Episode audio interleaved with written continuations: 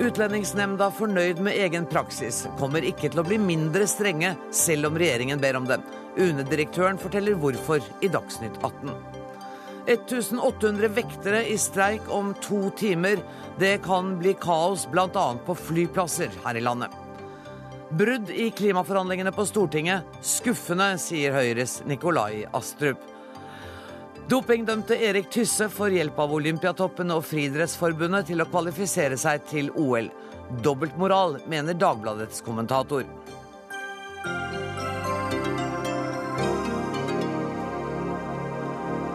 Dette er noen av sakene i Dagsnytt 18 denne første junikvelden, men eh, aller først skal vi si velkommen til en statsminister som alltid er tidlig ute, og det er hyggelig å se deg.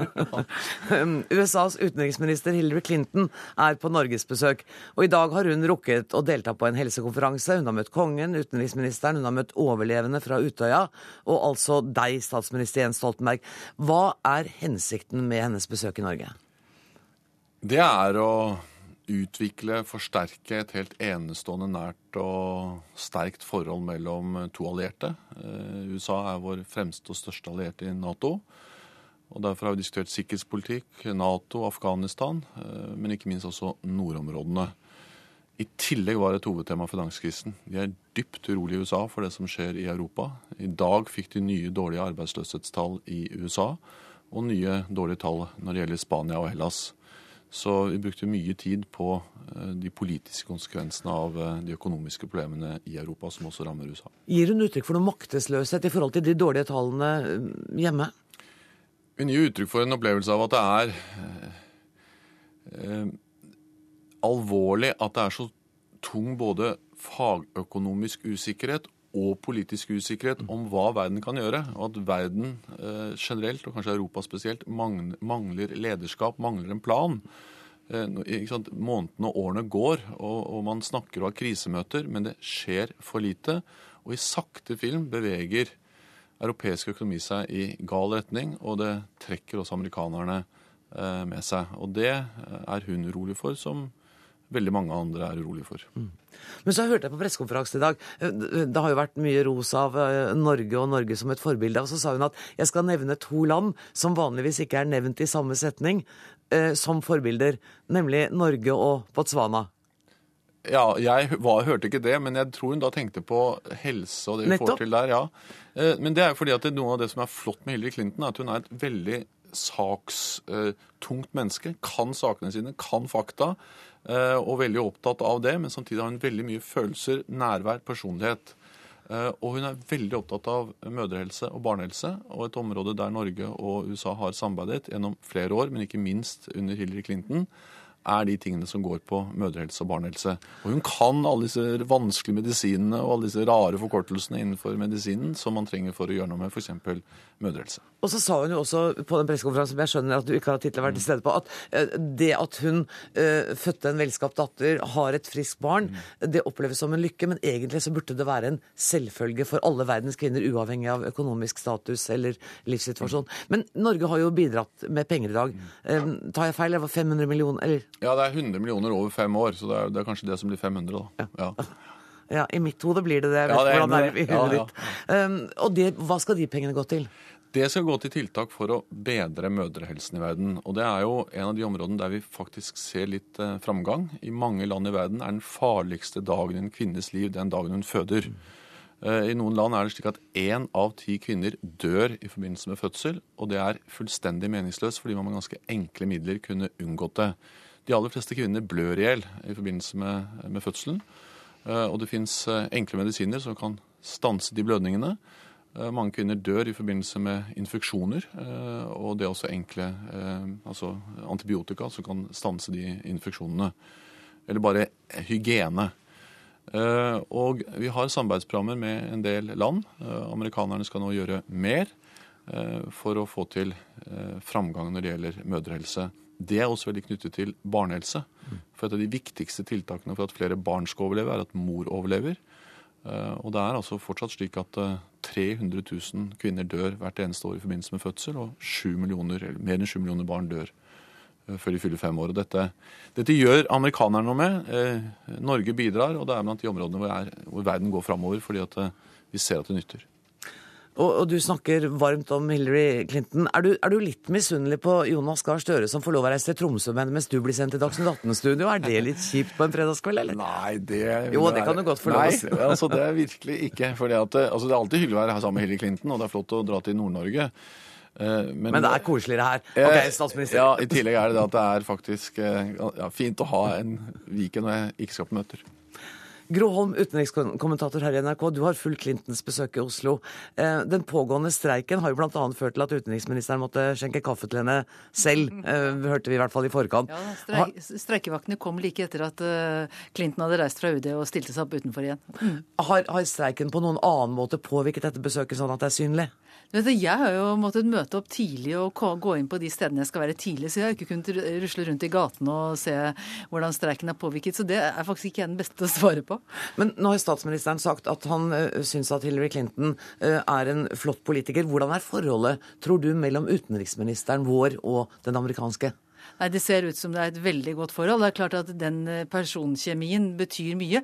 Det betyr mye at, eh, at eh, sentrale politikere har et godt forhold både til USAs utenriksminister for tida og til den russiske utenriksministeren. Og på de møtene som har vært i dag, og som også blir, kommer i morgen, så er jo akkurat dette med nordområdene hvor Norge grenser til Russland, og samarbeid i Arktisk råd osv. Altså, det at Norge beveger seg mellom disse to supermaktene som det gjør i nord, det, det er viktig. Det er, er det... viktig for et lite land. Nå, nå blir vi, det var en periode hvor det ikke var så godt forhold til USA. Nå blir vi definitivt sett, også av amerikanerne. Vi er på den amerikanske radaren, som jeg pleier å si. Mm. Eh, også når det gjelder det som faktisk er den viktigste utenrikspolitiske satsingsområdet i den rød-grønne regjeringen, som er nordområdene. Så nå er på en måte nå er det bare halleluja. og, og, ordføreren i Tromsø skal også statsminister, du må ta med deg hodetelefonene, for vi skal snakke med eh, Jens Johan Hjort, som er ordfører i, i, Tromsø, og som kommer til å ta imot eh, den amerikanske og den norske utenriksministeren på flyplassen. Eh, hvordan har du forberedt deg til dette, ordfører? Nei, først må jeg jo si at uh, jeg er jo eh, heldigere enn uh, min navnebror Jens. fordi jeg sitter jo i Tromsø, skal møte Hillary Clinton og få være med på Dagsnytt 18 uh, på samme tid. Noen får alltid alt, ikke sant? Ja, ikke sant. Det er et lite kinderegg. Så det Nei, jeg har, jeg har, forberedt meg den tiden jeg har hatt til rådighet med, med, å se litt på hva som har skjedd i Oslo. og skal møte henne på flyplassen i ettermiddag. Det gleder jeg meg til. Så du er ikke fortsatt sur for at du ble invitert litt seint til å delta i uh, høytidelighetene? Nei, jeg har, jeg har, vel egentlig aldri vært sur uh, over det. Uh, det kom jo en, en, smule sent, det gjorde det. Men jeg har fått mange hyggelige telefoner fra UD hvor de har beklaget at det ble som det ble og sagt at dette ikke var meningen. Og, og, det har jeg tillit til. Så nå er vi beredt til å ta imot Hillary på best mulig måte her i Tromsø. Og det, kommer, og det betyr mye for Tromsø å få besøk av den amerikanske utenriksministeren? Ja, det gjør det. Eh, det gjør det definitivt. Altså, vi er jo privilegerte her i Tromsø på den måten at eh, mange ønsker å komme hit. Og bortimot alle er velkomne. Eh, vi har noen unntak i folkebevegelsen mot innvandring og den slags, som jeg har sagt litt om. Men de fleste er velkomne. Og Tromsø er byen for de store anledninger. Hillary Clinton er eh, Besøket hennes er en stor anledning, og det fører seg pent inn i, i rekken. Og jeg må jo si det at, eh, det at hun da velger å tilbringe ett døgn i Tromsø, eh, det vitner både om et meget godt utenrikspolitisk samarbeid, men det vitner også om det som både Jonas og jeg har sagt, at nordområdene generelt, og Tromsø spesielt, er et viktig satsingsområde og at eh, det gjelder både nasjonalt, men, eh, men, men ikke minst eh, internasjonalt. Statsminister Stoltenberg, nå har du hørt både Gro Holm og ordfører Hjort si at nordområdene er sentralt. Og det at Hillary Clinton kommer også til Tromsø, gjør, er et eksempel på at hun ser Norge på en annen måte enn det som har vært tidligere. Så Hun ser Norge og hun ser nordområdene, og hun er vel kanskje den utenriksministeren eh, i USA som har sett det klarest og sterkest. Dels fordi hun er en oppvakt kvinne, men dels fordi Jonas har fortalt henne det på hvert eneste møte. Eh, og, og det, Summen av det har bidratt til at, det, eh, at, du, at nordområdene har fått veldig stor oppmerksomhet fra amerikanerne. Det er bra. Og Det er bl.a. en av grunnene til at Tromsø også har fått den posisjonen. fordi at Norge, Jonas Gahr Støre, jobbet jo intenst for å få sekretariatet for Arktisk råd lagt til Tromsø. Eh, da amerikanerne bestemte seg for å støtte det, så ble det lagt dit. og Derfor er nå Tromsø på en måte hovedstaden for det arktiske samarbeidet med sekretariatet. Eh, og Det er vel en av grunnene også at hun velger å dra til Tromsø. Hun har vært på Svalbard, og jeg tror hun ser de enorme mulighetene, men også de farene som ligger i at det nå blir mer økonomisk aktivitet, mer skipstransport, mer olje- og gassutvinning. Mulighetene for økonomi, for energi, men også fare knyttet til miljø. Men også slike ting som søk og redning. Vi har ikke det apparatet vi har andre steder i Arktis når det gjelder å håndtere ulykker, eh, miljøulykker, eh, skade mennesker og andre ting som krever eh, oppfølging når det blir mer aktivitet i områdene. Så hun har rett og slett litt å lære også. Tusen takk for at dere kom i studio, statsminister Jens Stoltenberg, kommentator Gro Holm og Jens Johan Hjort, ordfører i Tromsø.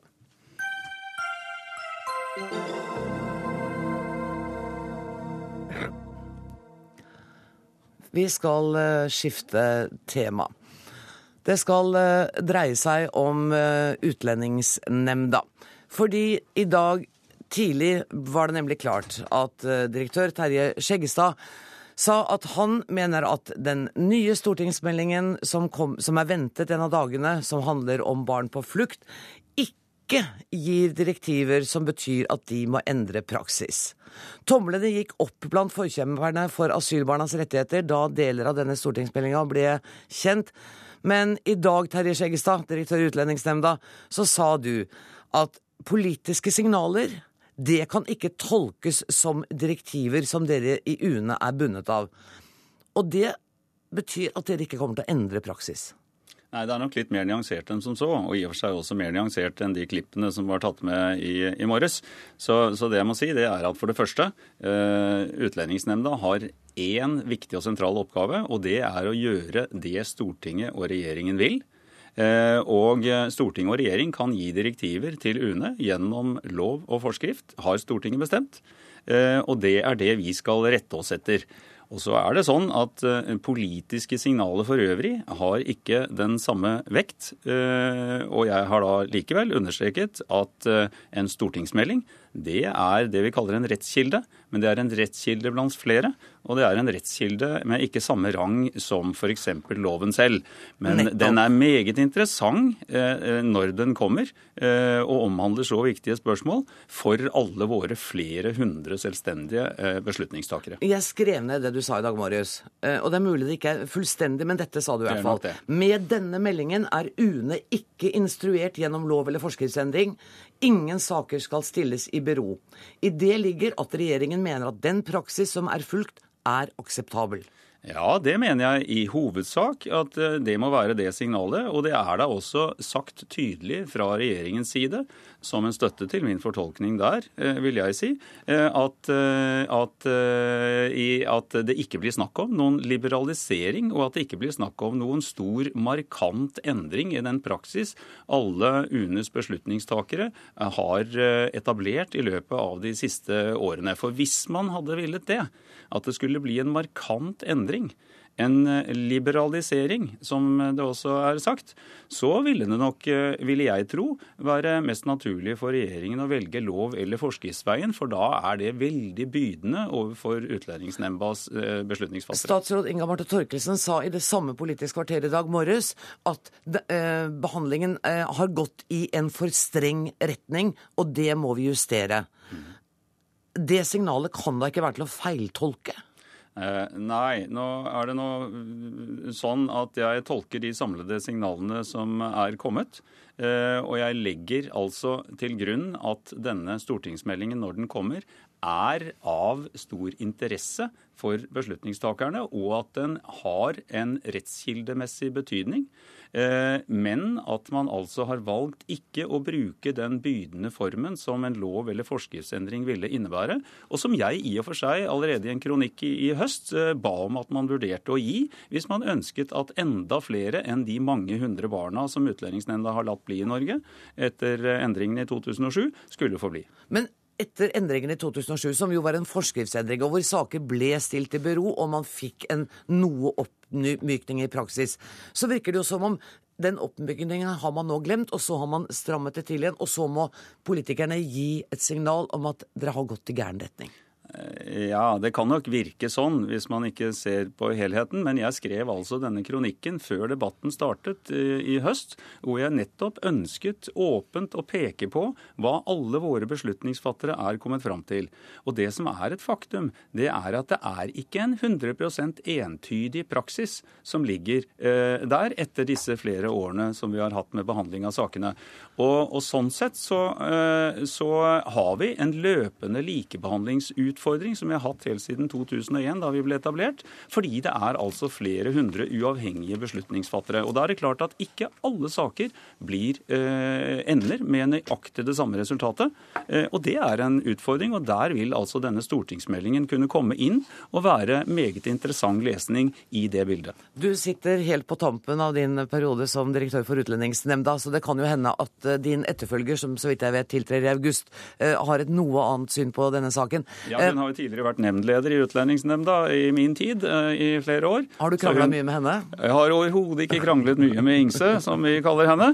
Jeg kjenner henne meget godt, og jeg er meget trygg på at hun vil kunne være med på å bidra til gode resultater også i framtida. Når jeg tillater meg å si det, så er det jo fordi vi har eksterne evalueringer som viser at alle våre beslutningsfattere har vært med på det som kalles en grundig og samvittighetsfull saksbehandling gjennom disse årene. Og, og den gode nyheten til deg nå, Terje Skjegstad, er at du skal slippe å krangle med de to damene som er kommet inn i studio, for jeg skal si tusen takk for at du kom. Eh, og så justisminister eh, Grete Farmo, eh, hjelp meg å rydde opp litt her. Fordi at eh, jeg oppfatter eh, Skjeggestad dit hen eh, at det ikke er gitt noen signaler om noen liberalisering eller oppmyking i og med den stortingsmeldingen som nå snart kommer. Det er riktig at vi har sagt det er ingen liberalisering på gang, men vi ønsker å tydeliggjøre praksis. Og det skyldes at det i eh, noen enkeltsaker synes å være lagt en for streng praktisering av dagens regelverk til grunn. Men det er da et tydelig signal? Det skal vi komme tilbake til i meldingen, nettopp med å tydeliggjøre Eh, hvordan vi mener regelverket skal forstås. Men, men tolker Skjeggestad dere riktig nå, da? Når han sier at det er ikke noe grunnlag, og dette her er ikke noen instruks, og dere er fornøyd med den praksis som har vært? Er det en riktig tolkning? I enkelte saker så synes det som praksisen er for streng. Kan du ikke si litt mer, for det, er, det blir litt vagt for meg, det der. Ja, og Derfor så skal vi tydeliggjøre i den meldingen som kommer. Og jeg har derfor også sagt at den tydeliggjøringen Eh, regner jeg med at det også vil gi noen barnefamilier som i dag har fått avslag på sin søknad, en mulighet eh, for eh, ny behandling gjennom en omgjøringsbegjæring og kanskje også opphold i Norge. Hadde det ikke vært ryddigere å gjort en forskriftsendring? Vi ønsker ikke å liberalisere. Og vi har vært klare på at eh, vi likevel ønsker å tydeliggjøre tolkingen av dagens regelverk. Du, Når kommer meldingen? Den er rett rundt hjørnet. Hva er det? I kveld? I morgen? Mandag? Den kommer før sommeren. Å ja. Det er ikke så rett rundt hjørnet, for vi snakka jo om henne allerede her på onsdag. Og da var du her, Trine Skei Grande, leder av eh, Venstre. Du var skeptisk til eh, det du da fikk vite av oss om innholdet i meldingen. Hvordan ser du på det i dag? Nei, Jeg beklager at jeg hadde rett. Eh, og eh, det som Hvis man ønsker å endre praksis, ønsker å endre hvordan ting skal håndheves, så har en regjering lover og forskrifter å endre. Han kan komme til Stortinget og få endra loven, eller endre forskrifter og rundskriv og instruksjoner som man har.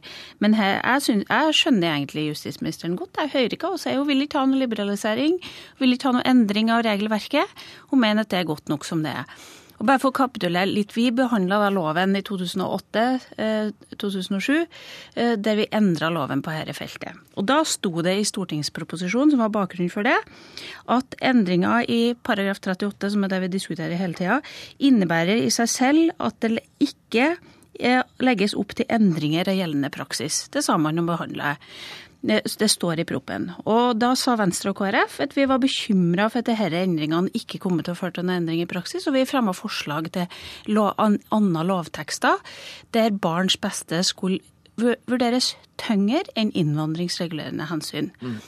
Eh, så jeg mener egentlig at lovbehandlinga den gangen var klar. Man ønska ikke den, den liberaliseringa KrF og Venstre sto for. Men det er jo ikke noen overraskelse, for det har Arbeiderpartiet stått for. Nei, nei, og, og, men det gjør man også nå. Man stadfester at den behandlinga man hadde i 2009, er den man fortsatt står for. Jo, men samtidig, Grande, så er jo eh, signalene fra denne regjeringen at man ønsker å se noe mer lempelig. For eksempel, det kan jo bli aktuelt at noen av disse 450 barna som er her, nå kan få bli. Ja, og Det er kjempefint om vi får, men vi vil ha et regelverk som ikke handler om at man skal skrike og hyle, eller noen saker skal opp i media før det skal Vi vil ha et regelverk som skal gjelde alle, med noen klare prinsipper.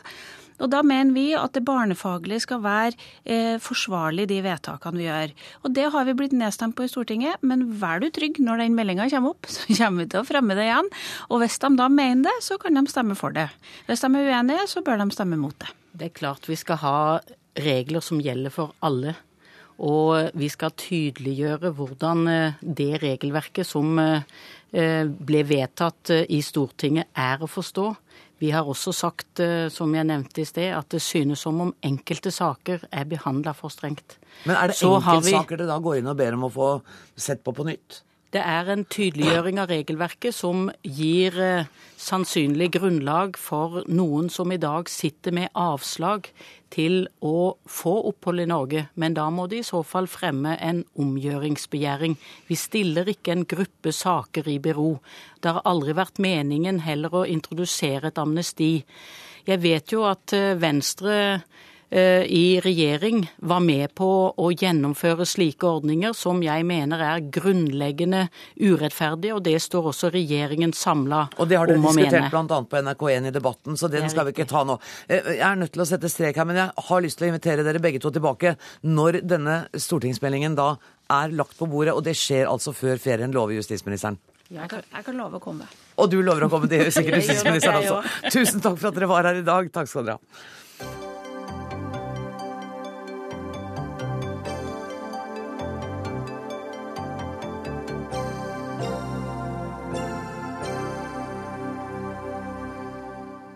Og så er det brudd i klimaforhandlingene på Stortinget. Det ble klart sent i ettermiddag. For knappe to timer siden var det en pressekonferanse.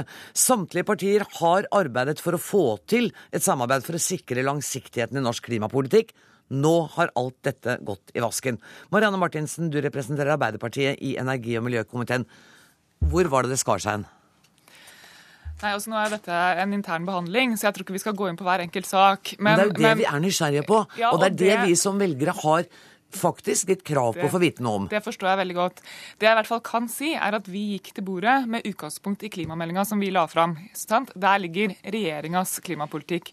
Vi mener at det var en god melding, at det var en offensiv melding. Og den ble veldig godt tatt imot både i miljøbevegelse, i industrien. Jeg husker til og med at vi hadde representanter fra opposisjonen som uttalte seg pent og positivt om den.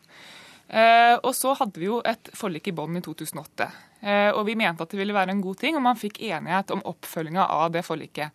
Så derfor så gikk vi eh, til bordet i den hensikt å få til en brei enighet. Og jeg beklager at vi ikke klarte det, men nå går vi også tilbake til ordinært meldingsarbeid. Og vi kommer sikkert til å klare å bli enige om en god del merknader, men det blir altså ikke enighet om alt. Er ikke dette et nederlag for samtlige partier, hvor alle har sagt at vi ønsker å få til et bredt klimaforlik? Jo, jeg skulle ønske at vi klarte å få til en bred enighet. Og vi gikk altså til bordet med helt konkrete forslag hvor vi la, la til grunn en vilje til å flytte milliarder, til å flytte politikk. Eh, men, eh, men eh, hvor vi ble møtt til syvende og sist med en uprioritert liste som, som innebar milliarder.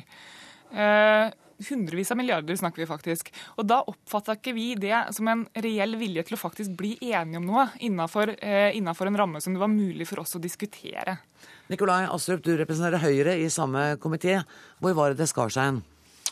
La meg først si at Jeg er helt enig med Marianne Martinsen i at uh, det hadde vært en fordel om vi fikk til en bred enighet. og Vi gikk også til bordet med det som utgangspunkt. Uh, så var avstanden for stor.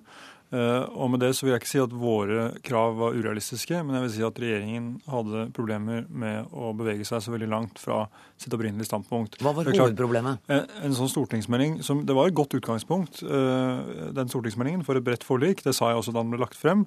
Den er veldig god på mål og ambisjoner. Mm. Men den er veld... sa det her til og med. Ja, jeg tror også jeg gjorde det. Men så er den veldig lite konkret og forpliktende på en del ting. Og det forsøkte vi å gjøre noe med. Å fylle disse store ambisjonene og øh, hårete målene med konkret innhold. Og det er klart at det øh, kan være krevende for en regjering som av og til har problemer med å være enig med seg selv, øh, og har forhandlet lenge om denne meldingen, og da åpne opp en del av de Eh, tingene som lå, lå der. Så det er regjeringens skyld at vi nå ikke har en langsiktig plan for norsk klimapolitikk? Ja, altså Vi har en langsiktig plan for norsk klimapolitikk i klimameldingen, men uh, den er altså ikke uh, Forankra i hele Stortinget? Ikke forankret i hele Stortinget. Og må, Man må huske på at det, når det sitter syv partier rundt et bord, så har alle sine særstandpunkt. Hvis man skal opp i de særstandpunktene, så må man føle at man får noe igjen for det. Uh, og uh, vi opplevde at regjeringen ikke var villig til å flytte på seg. prioritere mellom alle de milliardene vi, som ble lagt i bordet. Uh, og det var vel på deres side av bordet at det var problemer med, med, uenighet, hvis vi skal være helt ærlige. Ja, Kan vi ikke prøve det en stund, å være helt ærlige? Var det, hvor var det problemene var? Jeg leste på en NTB-melding som hevder at uh, f.eks. de borgerlige partiene godtok 34 tilleggsforslag til klimameldingen, men uten å konferere med Frp. Stemmer det? Altså, eh, Nei, men i all verden, Stemmer det? De fire borgerlige partiene var enige om veldig mye. Eh, og jeg er sikker på at vi skal klare å bli enige om enda mer også nå i fortsettelsen. Eh, det er utgangspunktet. Og vi var enige om mange ting som vi hadde felles, og som vi stilte som felleskrav til eh, de tre rød-grønne partiene. Eh, så opplevde vi at det ikke var noe særlig vilje til å flytte på seg i det hele tatt. Vi hadde i utgangspunktet gitt avkall på veldig mange områder før vi satte oss til bordet. Så snevret vi det inn, og så ble vi møtt med eh, en regjering som i utgangspunktet var fastlåst. Dette er utrolig eh, abstrakt, fordi ingen av dere vil si nøyaktig hva dette handler om. Men kan jeg ikke spørre en gang til? Er det riktig at dere gikk inn og så på de 34 punktene, syntes det var fornuftig, og så ikke konfererte med Fremskrittspartiet?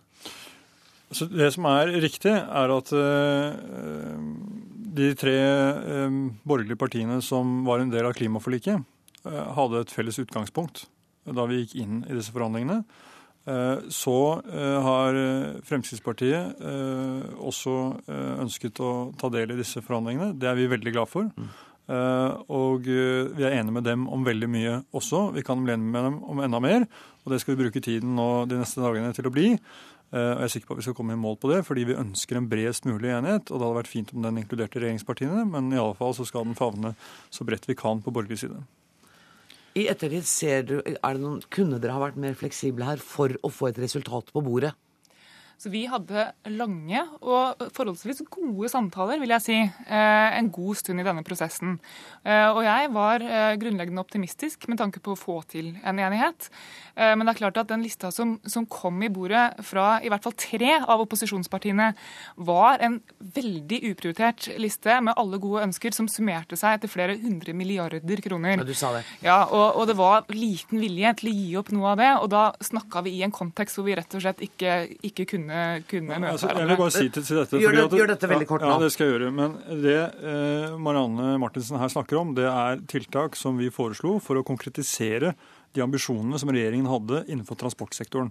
Det vet alle at koster. Skal du bygge jernbane, så koster det. Samtidig har regjeringen en ambisjon om at trafikkveksten i og rundt de store byene skal tas kollektivt.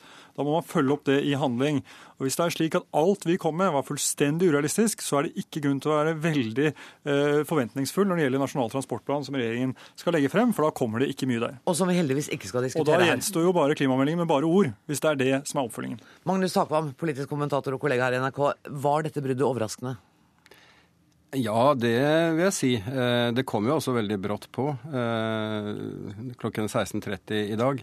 Eh, og her er det åpenbart noe med prosessen som har vært veldig dårlig. Og eh, nå er det et uh, svarteperspill om å gi den andre parten skylden, slik det alltid pleier å være. Men utad, så på vegne av klimapolitikk og, den typen ting, så er det et kjempedårlig signal at partiene på Stortinget ikke klarer å samle seg om et forlik. Så, så vil jo da fasiten komme 7.6 når når komiteen er ferdig, selvfølgelig.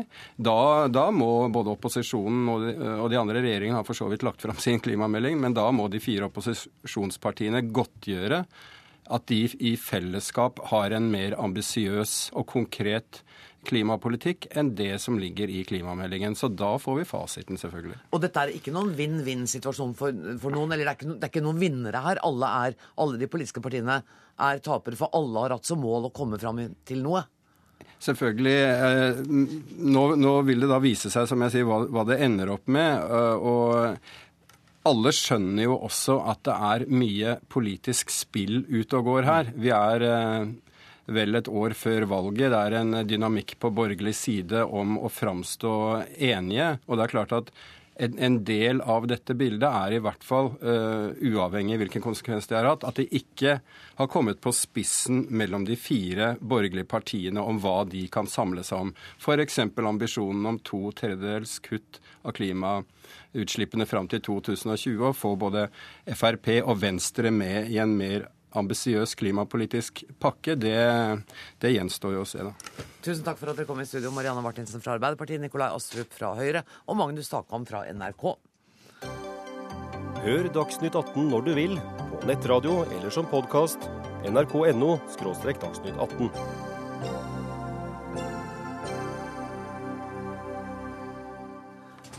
Og vi skal snakke om streik igjen her i eh, Dagsnytt 18. For 14 timer på overtid gikk eh, en av arbeidstakerorganisasjonene ut i streik, mens den andre godtok Riksmeklerens skisse. Fra klokka 20 vil Norsk Arbeidsmannsforbund ta ut 1797 vektere i streik. 150 av disse tas ut ved hovedflyplassen på Gardermoen. Erna Hagensen, leder i Norsk Arbeidsmannsforbund, hvorfor ble det streik? Det ble streik fordi vi hadde noen forventninger fra forrige oppgjør at man skulle forplikte seg til å være med og gi en garanti for at vekterne skulle få nærmere industriarbeiderlønna. Vekterne er en lavtlønnsgruppe. De tjener altså 294 000 i grunnlønn i året, og det er ikke mye å leve og forsørge familien sin på. De har noen forventninger om at arbeidsgiverne må følge opp de lovnader de ga sist gang, om å forplikte seg til at vi skal videre opp. Kan du si noe om hvor eh, stor avstand det var mellom eh, tilbud eh, og krav? Ja, Det ble etter hvert veldig stort, fordi det var blankt avvist å forplikte seg at vi skal nærme oss industriarbeiderlønna. Så hele prinsippet om en tilnærming til det som er gjennomsnittsberegningen, nemlig industriarbeiderlønn, det ble, var, falt bort med en gang? Det falt bort. Hvorfor tok det da så lang tid å bestemme seg for at man skulle gå til streik? Vi var interessert i å få til en løsning. Og vi prøvde alle mulige innretninger på en sånn forpliktelse. Eh, så derfor så fant vi det nødvendig å sitte så lenge. Petter Furulund, du er administrerende direktør for NHO Service. Det er ikke snakk om fra deres side å akseptere en tilnærming til industriarbeiderlønn for vekterne? Altså I, i 2011 så hadde man en vekst i industrien på 4,4% og og vekterne hadde en vekst eh, på 6,1 Og eh, vi har altså i, i, forrige oppgjør forpliktet oss til å gi 2,5 kroner eh, ett år på toppen av det som kommer. I år så var det 3,5 kroner, og neste år så er det 5 kroner. Så det ligger der som en forpliktelse. Så vi har jo på alle måter gjort dette, og i, i år så kommer vi altså opp med et tilbud som, som vil gi vekterne alle sammen 8 kroner mer per time, pluss at de på flyplassene ville få enda mer. Pluss at vi har eh, nærmet oss eh, fagbevegelsen på en del andre prinsipielle ting også. Så det er helt uforståelig for meg at det går an å gå til streik på dette her. sånn. Så jeg har vel følelsen at det må ligge noe, noe annet bak. altså. For, ja, hva, liksom... hva tenker du på da? At Nei, jeg har nesten inntrykk av at de ønsker streik uansett. For enhver pris? Ja. I hvert fall for hver krone. Fordi at eh, det å begynne å forvente oss at vi skal forplikte oss til kommende lønnsoppgjør, det er jo helt eh, umulig. Altså Det er derfor vi har lønnsoppgjør, for vi skal forhandle hver gang. Mens de ønsker altså at vi i dette oppgjøret ikke bare skal legge masse penger på bordet, men vi skal forplikte oss til hva vi skal gi i de kommende lønnsoppgjørene fremover. Det er ganske spesielt. Og jeg tror de må stikke fingeren i jorda snart. Petter Furulund mer enn antyder at dere var innstilt på streik fra dere møtte motparten? Det er selvfølgelig ikke riktig. Vi møter alltid med den hensikt at vi skal finne løsninger. Eh, og Peter Furulund vet veldig godt at i mange, mange år så har vekterne ligget på ca. 85% av industriarbeiderlønna. Det viser helt klare tall på det. Og vi har nå krevd i mange oppgjør. Nå må vi komme videre derfra, opp til 95 er Men er det ikke riktig det han sier at det var en viss økning fra 2011 og til nå? Det er riktig at det var en viss økning fordi vi har ligget under den 85-grensa. Og nå var det 85,1% på grunnlønna. Det var 86 eh, gjennom 86,7 eh, på gjennomsnittslønna. Så det, ikke, det, har vært liten økning, men det var ikke store økninger. Hvordan, hvordan ser du det framover? Nå er det altså nesten 1800 vektere som er ute i streik. Har dere en opptrappingsplan, dere også? Vi har en opptrappingsplan fra mandag, 4. juni. Um, og da, Hvor lenge kan denne streiken vare, da? Ja, Det er et godt spørsmål. For det er jo lett å sette i gang en streik, men det er vanskelig å komme ut av det. Og, og jeg lurer på hvordan uh, Erna har tenkt å, å, få oss ut av denne streiken, fordi at uh, Det er vel ikke bare hennes ansvar, er det det? Nei, si delegasjonen hennes, da. For jeg tror ikke Erna egentlig syns dette her er særlig kjekt, hun heller. Men, uh, men, det er klart at, at her er man ute etter å, å, få til noen prinsipper som, som ikke er vanlig i hele tatt, og som kan er umulig. Kan det bli en langvarig streik, Hagensen? Ja, det kan det. Og, da kommer det til å få innvirkning på oss alle. Eh, Grete Vikane, dere må ta på dere hodetelefoner. Eh, Vikane, du er fungerende lufthavnsjef ved Bergen lufthavn Flesland. Hvordan vil streiken der påvirke de reisende? Ja, Hos oss er det 40 vektere som er tatt ut i streik i sikkerhetskontrollen. og Det gjør at vi i så stor grad som mulig har normal drift hos oss. Men eh, vi har kortere åpningstid. Eh, sikkerhetskontrollen er åpen fra 05 om morgenen til 22 om kvelden. Eh, så for de reisende så er det viktig at de er ute i god tid.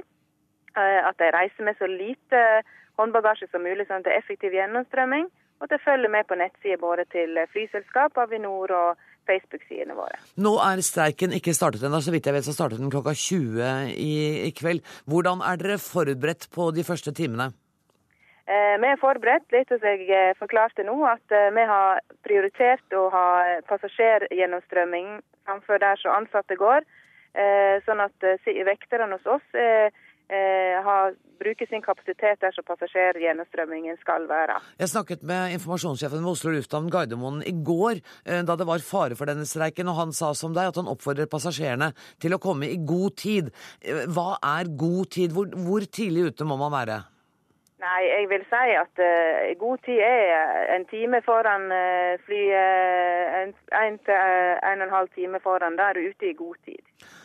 Hagensen, eh, du sier at dette kan bli en langvarig streik, og det kan bli aktuelt å ta ut flere. Eh, men dere lever jo også under trusselen av en tvungen eh, lønnsnemnd hvis det er snakk om liv, helse og menneskets sikkerhet. Hva f.eks. med den rettssaken som foregår i Oslo tingrett akkurat nå? Ja, vi har prøvd nå så godt det lar seg gjøre, og tatt ut så få som mulig at det ikke er grunnlag for noe tvungen lønnsnemnd. Og i forhold til den rettssaken i Oslo tinghus, Eh, så er det søkt om dispensasjon, som vi da selvfølgelig innvilger. Er det, no, er det grunnlag for noen formell kontakt mellom partene nå i helgen? Det er ikke så langt eh, jeg ser på nåværende tidspunkt, hvis ikke da Petter Fuglund tar og ringer meg i løpet av helgen. Kommer du til det, Furulund? Nå har Erna og folkene våre meglet på så lang overtid at jeg tror de trenger å hvile litt. Så og vi har egentlig ikke noe Altså økonomien i dette vi har tilbudt, er det jo ikke tvil om er vanvittig god. Så her, her, går det altså på prinsipper, og det, det, er prinsipper som man eh, vet, for vi har jo forhandlet eh, med hverandre i tiår, vet at man ikke rokker ved. Så, så, det ser ikke veldig lyst ut. Og jeg syns det er merkelig at det andre forbundet som vi forhandlet med parallelt, jubler over dette oppgjøret og sier at det er så bra at vi kunne ikke ta streik. Men i Arbeidsmannsforbundet så kan man altså det. Og det er merkelig. Og nå er det et faktum. Jeg må si tusen takk til dere begge to, Petter Furulund fra NHO eh, og Erna, Erna Hagensen fra Arbeidsmannsforbundet.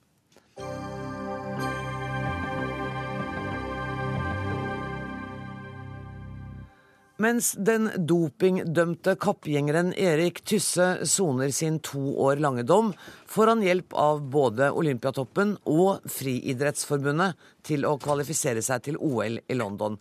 Det har vekt sterke reaksjoner. Esten O. Sæther, kommentator i Dagbladet. Du er blant dem som uh, har vært irritert på dette, for å si det mildt. Hva er problemet, syns du? Jeg syns eh, problemet er de signalene vi sender ut om vår egen dopingkamp. Vi har jo vært blant de fremste til å snakke om konkurrenter som eh, eh får lov til å, eh, å si, trene med med trenere som har vært utestengt. Det har vært utestengte utøvere som har vært i miljø med de andre. Og vi har syntes det har vært et kjempeproblem at, at utøvere, altså konkurrenter, kommer tilbake etter to års utestengelse i strålende form og leverer gode resultater. Og vi har vært sinte på dem. Og denne gangen så er det vår mann som er blitt tatt. Eh, og vi svarer med å tilrettelegge så langt vi kan innenfor det internasjonale regelverket, ja. Men likevel, så langt som vi kan, så tilrettelegger vi for at han skal komme kjapt tilbake i konkurranse. Og det mener jeg er et veldig uheldig signal å, sende ut. Eh, så jeg er overrasket over at eh, så bevisste idrettsledere som eh, Jarle Ombø og friidrettspresident Hansen er med på noe slikt, rett og slett. Svein Erne Hansen, eh, du hører eh, Esten Osæter si at han er overrasket over at dere kan være med på det. Er dere litt naive? Nei, altså Esten Osæter har veldig mye rett. Jeg har stått på voldsomt for å få folk utelukket. Mm. Og vi var president for alle stevnene i Europa. Vi vedtok en anbefaling til alle stevnearrangører, som Bislett, Roma, Zürich osv., at vi ikke skulle invitere dopingutestengt utøvere når de kom tilbake. Det har vi fulgt inntil vi ble tatt for retten i Zürich for to år siden. Og så har vi da situasjonen med Erik Tysse. At eh, det er jo sak nummer to. Han er fri til å konkurrere etter vårt regelverk og det internasjonale regelverket 7. juli. Og ja, men er det ikke noe med at man til og med da har lagt seg i selen for at han skal få muligheten til å konkurrere og muligheten til å delta i OL i London? Jo, det har vi gjort. Og ja. det, ja, det, og, og det, det, mener jeg jo Det, det bryter jo fullstendig med, med, det vi har ment. For vi har jo jobbet beinhardt, og ikke minst du har jobbet beinhardt for å få strengere straffer. Eh, helt i ja, det er seks, syv, åtte år siden så finner vi uttalelser fra deg om hvor viktig det er når det er juks i USA, det er juks i Hellas, og nå må vi få skjerpet strafferammen. Og du går inn for eh, fireårsstraffer, du går inn for livstidsstraff ved første utestengelse. Og så kommer altså din egen utøver. Eh, og da syns jeg du skulle hatt fintfølelse nok til å tenke at ja vel, da skal jeg i hvert fall passe meg for å ikke tilrettelegge for at han skal komme raskest mulig tilbake. Det som har skjedd nå, er jo at et klubber innenfor ditt forbund gjør alt klart til stevnet. og Man lager et spesielt stevne for at vår dopingdømte utøvere skal komme rett til OL. Jeg skjønner ikke at du ikke ved ettertanke sier at det er, har vært veldig dumt av meg. Hansen, det må du få svare på. Hvor, hvor er prinsippene der? Ja, for her er altså den 8. juli i 2012 kan Erik Tysse konkurrere. Ja. Hans klubb har bedt eh, om å få lov til å arrangere et utdagningsstevne. De eh, spurte Norges Friidrettsforbund. Jeg har snakket med Det internasjonale forbundet om å få lov til å arrangere det og det. Så vi må skille her. Vi kan ikke være den eneste land i verden som ikke lar de som har lov til å konkurrere, konkurrere. Det er der Esten tar litt, litt, litt, feil. Jo, vi kan faktisk det. det. det. er vår egen holdning mot doping, dette her. Og du kunne vært konsekvent i forhold til det og sagt at vær så snill, ikke lag dette stevnet. Ikke gjør det på denne måten her. Det er veldig vanskelig for oss å drive et antidopingarbeid. Folk kan jo umulig skjønne hva vi driver med, når vi i årevis har, har kritisert konkurrentene våre. Og vi nå, ved første anledning, hjelper vår egen dopingdømte tilbake. Jarle Ombud, du har vært veldig tålmodig her nå. Du er toppidrettssjef og også sjef for den norske olympiatoppen. Som dopingdømt så er Erik Tysse utestengt fra både trening og konkurranse. Er det ikke da problematisk at en trener tilknyttet Olympiatoppen bistår ham mens han fortsatt er under denne dopingdommen? Han er ikke trener for Olympiatoppen. Nei, men han er tilknyttet? Det, det er tilknyttet. Han har ja. en, en, liten avtale som konsulent eh, som går på innhente kunnskap og eh, dokumentasjon innenfor et fagfelt. Og det blir helt trene sagt at Olympiatoppen hjelper. Vi bidrar, bistår ikke. Vi hjelper ikke noe innenfor det treningsfaglige området i forhold til Erik Tysse. Og det gjentas hele tida at vi, vi hjelper eh, utøveren. Vi gjør ikke det. Vi følger de reglene til punkt og prikke som gjelder ved en utestengelse. Så det er ingen grunnlag for selvkritikk på noe av det som har skjedd? Nei, vi, vi har ing, føler ingen grunn til noe selvkritikk. Vi gjør det som vi også eh, gjør i andre sammenhenger hvor utøvere har eh, kriser eller vanskelige perioder. Vi har lagt til rette for en mental si, psykologisk ressurs. Eh, og det bygger på våre si, verdier og våre etiske rammer. Antidoping Norge reagerer jo bl.a. på at disse benytter Olympiatoppens ansatte mens han fortsatt er utestengt. Ja, Antidoping Norge, Solheim er vel først og fremst eh, en administrativ, leder innenfor eh, å ta prøver og, og ha den rollen. Men allikevel, det høres litt som dere bortforklarer. altså. Det, det høres litt ut som når det gjelder en nordmann, så må vi ikke være fullt så strenge. Er det sånn at dere rett og slett ikke tror på de Han er dømt i alle instanser. Nei, vi bortforklarer ikke i hele tatt. Vi rett og slett forklarer fakta i saken. Og det er at det er, Vi har en, en person som er tilknyttet oss gjennom en konsulentavtale, som ikke driver med treningsretta arbeid og faglig arbeid. Da er det du som har skjønt alt feil, da, Sæther? jeg, jeg tror ikke det, og jeg tror ikke Jarle mener det heller. fordi at eh, Stefan Pletzer, som det her gjelder, er jo en meget sentral trener. Han har vært med på framgangen til kappgjengerne hele tiden og har gjort et flott arbeid for det, og er en fin kar.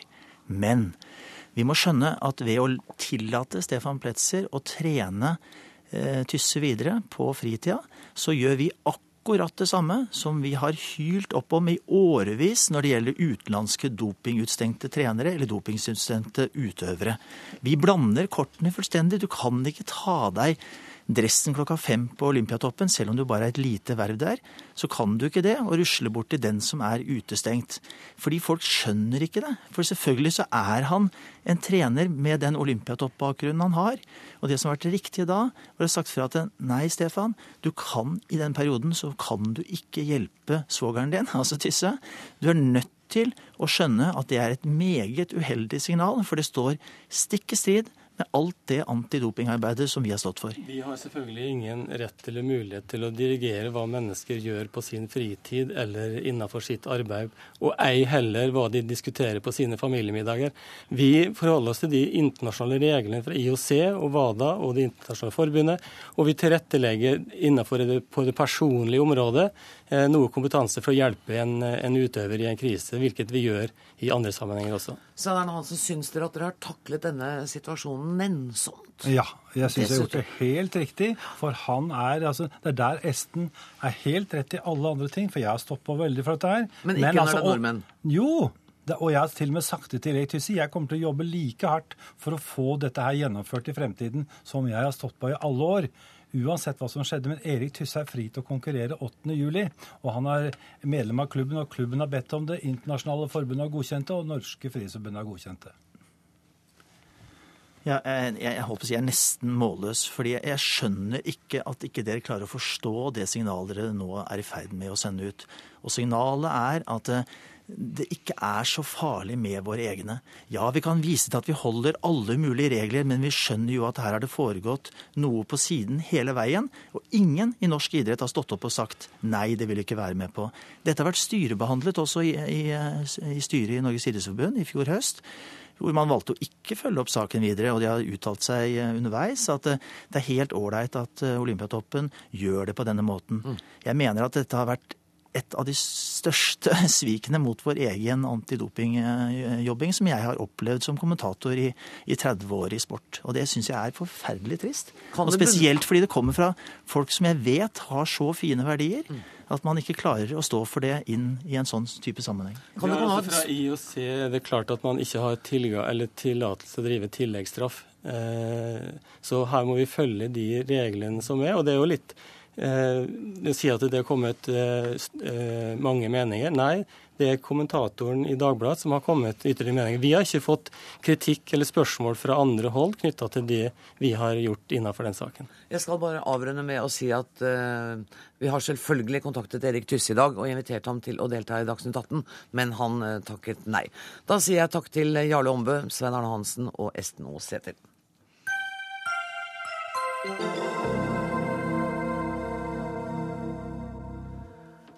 Fra idrett til eh, en annen del av kulturen, nemlig litteraturen. Litteraturfestivalen på Lillehammer er i full gang igjen. Dette er festivalen for de nye litterære trender, de høylytte diskusjoner, ikke minst for presentasjoner av nye bøker. Tuva Øbekk Sørheim, velkommen hit. Du er forlagssjef i Kagge forlag. Og du er nettopp kommet tilbake fra Lillehammer og festivalen. Hvordan var stemningen? Og ikke gjør meg misunnelig nå. Du, Det var fantastisk god stemning, men det som var synd var at jeg måtte dra hjem i går kveld, så jeg fikk jo ikke med meg quizen og jeg fikk jo ikke med meg festinga. Men jeg fikk være med på festivalen, og det var veldig god stemning. Hvor viktig er eh, litteraturfestivalen på Lillehammer? Det er den viktigste litteraturfestivalen vi har. Og jeg tenker den kommer på våren, hvor vi ikke har så mye fokus på bøker i Norge. Vi er veldig orientert mot bokhøsten ellers. Så det er veldig kjekt at vi liksom får denne lille boosten før sommeren med litteratur fra innland og utland. Hvor viktig er den kommersielt for dere? Jeg vet ikke hvor viktig det er kommersielt, egentlig. Jeg tenker at det er en, um, en bok som er viktig for å nei, en festival som er viktig til å stimulere til lesing og til publikumsopplevelser. og Det er en festival hvor det er veldig tett mellom forfattere og lesere. Jeg tror at uh, For veldig mange så føler de at de møter forfatterne. De kommer nesten i prat med dem. og Jeg tror at det er veldig viktig og gir folk lyst til å lese resten av året. Og vet du hva, en av de forfatterne, eller vet du hva, det er klart du vet det, i dag så var det en forfatter som presenterte sin siste roman i dag, og det var Mikael Niemi. Han eh, kjenner du godt fra før, vet jeg. Um, og Mikael Niemi, du er med oss fra, fra Lillehammer. Hvordan var det å møte publikum på, Lille, på Lillehammer og, og festivalen i dag? Ja, det var mye fint. Jeg fikk treffe sammen med forfatteren Cornelius Jackheln eh, en publik som bestod av ungdommer, og de var veldig aktive, og de fikk stille mange spörsmål. Eh, og I Sverige så ungdommer ikke våge stille spørsmål, men her i Norge var de så frimodige og freidige. Vi fikk mange mange spørsmål om Ja, det er sånn vi er, vet du. Ja, jeg har forstått det, ja. men du, eh, du, har skrevet en ungdomsroman som heter Bomb dem, og som handler om vold. Og jeg må bare innrømme at jeg har ikke rukket å lese eh, hele romanen. Men, men hovedpersonen der er en gutt som er som folk flest. Han er middels høy middels viktig og middels deppa. Og, og, utgangspunktet er vold. Forklar litt hvorfor du har valgt det temaet. Ja, jeg, jeg, jeg, bruker beskrive ham at han, han, eh, er stygg i utseendet. Han har et besværlig humør, og han har dessuten svårt for kontakt med kvinner. Og på det settet er han veldig lik meg selv når jeg var 16 år. Og veldig mange andre gutter, tror jeg, og jenter ja. for deg. Ja. Ja, men, men dette, du har tatt utgangspunkt i noe som ja, som skjer på en skole? Ja, ja. Eh, någonstans så handler denne boken om hvorfor man velger å bli konstnär.